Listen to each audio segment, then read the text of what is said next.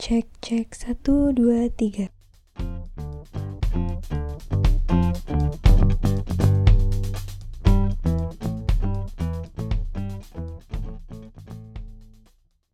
Hai semuanya, perkenalkan aku Safa and welcome to my first podcast. Yay. Kenalin aku Safa Karisa Purwo Putri. Uh, makanya nama podcast ini SCCP karena inisial nama aku. Dan saat ini kesibukan aku jadi mahasiswi di UGM untuk Universitas Gajah Mada di Fakultas Ekonomika dan Bisnis jurusan manajemen. Jadi sekarang aku mau curhat nih. Boleh kan curhat? Boleh gak sih? Boleh dong. Aku tuh sedih banget.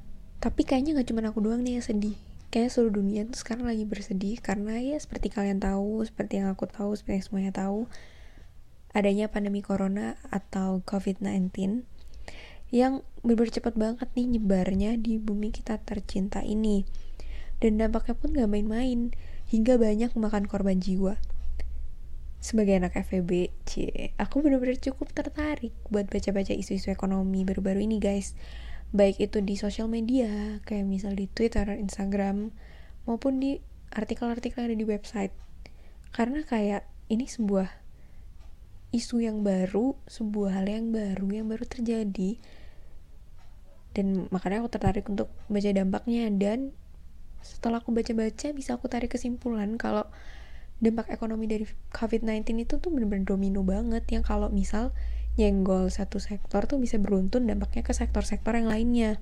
Tapi kali ini aku nggak akan bahas hal yang berat-berat dulu nih. Karena ya pengen aja bahas yang lebih simple dan deket sama keseharian semua orang. Sesuai dengan judul podcast kali ini, kita bakalan bahas hal-hal atau bisa dibilang culture yang mulai luntur di zaman sekarang dan berkat adanya virus corona, hal-hal ini tuh kembali dilakuin sama orang-orang. Jadi mari kita melipir sejenak untuk melihat sisi lain dari virus ini gitu. Dampak dari virus ini selain dampak-dampak negatif yang tentunya tadi udah kita sebutin di atas atau mungkin yang udah disebutin oleh banyak orang. Sekarang kita coba ulik lagi dampak positifnya nih. Kayak dari budaya-budaya yang dulu pernah ada dan balik lagi nih berkat adanya pandemi ini sebenarnya bukan berkat pandemi ini juga tapi ini salah satu faktor aja gitu yang pertama tuh cuci tangan uh, cuci tangan tuh emang tiap hari kita lakuin sih. Dan memang ini bukan budaya yang dulu yang udah ketinggalan gitu. Cuman setahu aku aku pernah baca di artikel gitu. Kalau dulu tuh uh, kayak restoran zaman dulu atau orang-orang zaman dulu tuh bener-bener di depan rumah atau di depan warungnya tuh ada wastafel yang kalau orang mau masuk tuh harus banget cuci tangan di situ gitu. Nah yang yang sekarang itu tuh mulai ditinggalin dan yang mulai gak ada. Wastafelnya pasti di dalam aja kan. Kalau misal mau makan baru cuci tangan gitu kan tapi kalau zaman dulu tuh katanya ada kayak wastafel gitu di depan rumah atau di depan warungnya. Jadi orang-orang mau masuk mau itu ntar makan pakai sendok atau langsung pakai tangan itu harus cuci tangan gimana pun keadaannya gitu. Jadi dalam masuk di dalam warung atau restoran itu tuh udah kondisinya steril gitu tangannya. Satunya salah satunya itu.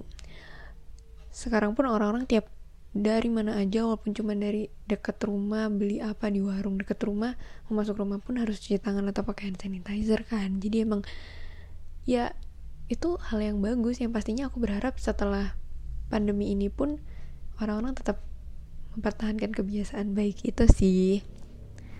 Um, yang kedua udara jadi lebih bersih. Jadi tuh aku sempat kaget juga ngelihat ada uh, beberapa orang yang nge-share di Twitter gitu foto-foto langit Jakarta atau langit-langit kota besar lainnya gitu yang bersih banget awannya kelihatan banget langitnya cerah bahkan kayak ada gunung di ujung sana tuh kelihatan gitu. Entah itu gunung atau bukit tuh pokoknya kelihatan gitu. Yang biasanya tuh nggak kelihatan dan karena ketutup polusi kan. Entah itu polusi dari pabrik atau polusi dari kendaraan bermotor gitu kan. Nah karena adanya ini kan orang-orang pada work from home mungkin di pabrik juga walaupun masih beroperasi tapi mengurangi operasionalnya nggak kayak biasanya. Dan orang-orang udah mulai mengurangi keluar keluar rumah kalau nggak penting gitu. Jadi tuh udara tuh jadi balik kayak zaman dulu. Jalanan juga balik kayak zaman dulu. Jadi berbersepi jernih. Nah terus nih yang ketiga ini tuh di lingkungan dekat rumahku juga sih. Orang tuh mulai rajin mengkonsumsi jamu. Ya mungkin banyak juga sih orang-orang yang sampai sekarang pun uh, dibudayakan untuk selalu mengonsumsi jamu. Tapi kan jarang banget kan apalagi zaman sekarang ya. Setahu aku tuh jarang banget orang yang secara rutin selalu mengonsumsi jamu. Nah berkat bukan berkat lagi sebenarnya karena adanya virus corona ini. Orang tuh jadi parno. Terus uh, mau beli vitamin juga di apotek tuh vitamin tuh udah mulai langka dan mahal banget. Ada cuman kayak mahal banget gitu. Dan orang-orang lebih kayak prefer ya udahlah kita konsumsi jamu aja gitu ini hal kejadian juga sih di rumah aku. Jadi kayak mulai uh, jamu untuk uh, imunitas tubuh kayak gitu. Jadi buat menjaga uh, kekebalan tubuh tapi dengan cara yang lebih tradisional yaitu mengkonsumsi jamu. Terus yang keempat games-games uh, jadul tuh mulai diunduh lagi buat ngisi kekosongan hari. Jadi kayak games-games yang aku zaman aku SD dulu kayak ada cooking academy atau dinner dash cake mania itu tuh mulai di download lagi. Sebenarnya bukan berdampak positif banget sih cuman ya sedikit sedikit flashback lah ke zaman dulu gitu. Karena kan orang udah gak, udah bosen mau main apa gitu. Dan kalau ini kan versi software ya versi game-game software yang ada di komputer atau laptop. Tapi aku yakin banyak juga sih dari kalian yang mulai untuk coba games-games yang zaman dulu yang yang games tradisional gitu permainan tradisional karena emang saking gabutnya di rumah gitu. Dan um,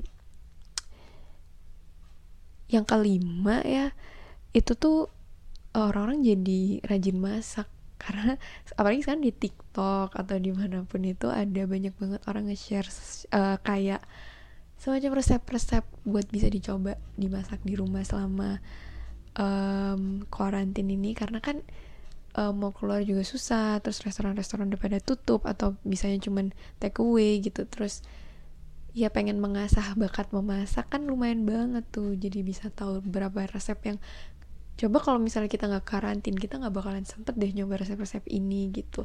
Jadi orang-orang udah mulai kayak kreatif buat mengkreasikan makanan yang biasanya kita beli terus eh ternyata bisa dong ternyata bikin sendiri dan ternyata gampang gitu.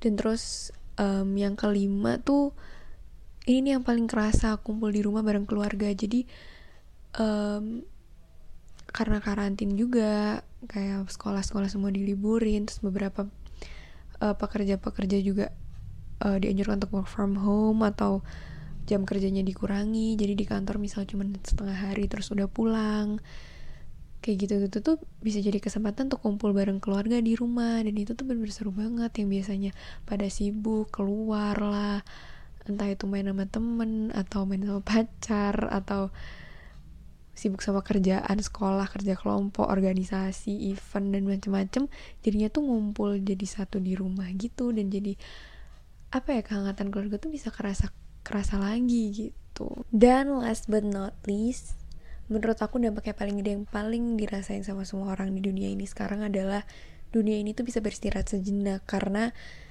semacam di refresh ulang semacam di detox semuanya rehat untuk sejenak. Walaupun nggak 100% rehat tapi at least nggak se nggak sekeos dari sebelum dianjurkannya karantina ini. Contoh-contoh yang aku sebutin tadi itu adalah sebagian dari efek dari kehidupan sosial masyarakat sendiri yang bisa dibilang cukup baik dampaknya. Dan mungkin masih ada lagi contoh-contoh yang lain yang luput dari perhatianku dan gak ada salahnya untuk ngelihat sesuatu tuh dari kedua sisinya baik buruknya agar kita tuh bisa paham alasan kenapa kenapa sih segala sesuatu tuh terjadi di hidup ini. Pesan yang mau aku sampaikan adalah tetap ikutin instruksi dari pemerintah maupun lembaga-lembaga lain yang berwenang karena semuanya pasti demi kebaikan kita bersama stay healthy and happy. Saya Safa pamit undur diri. Have a nice day all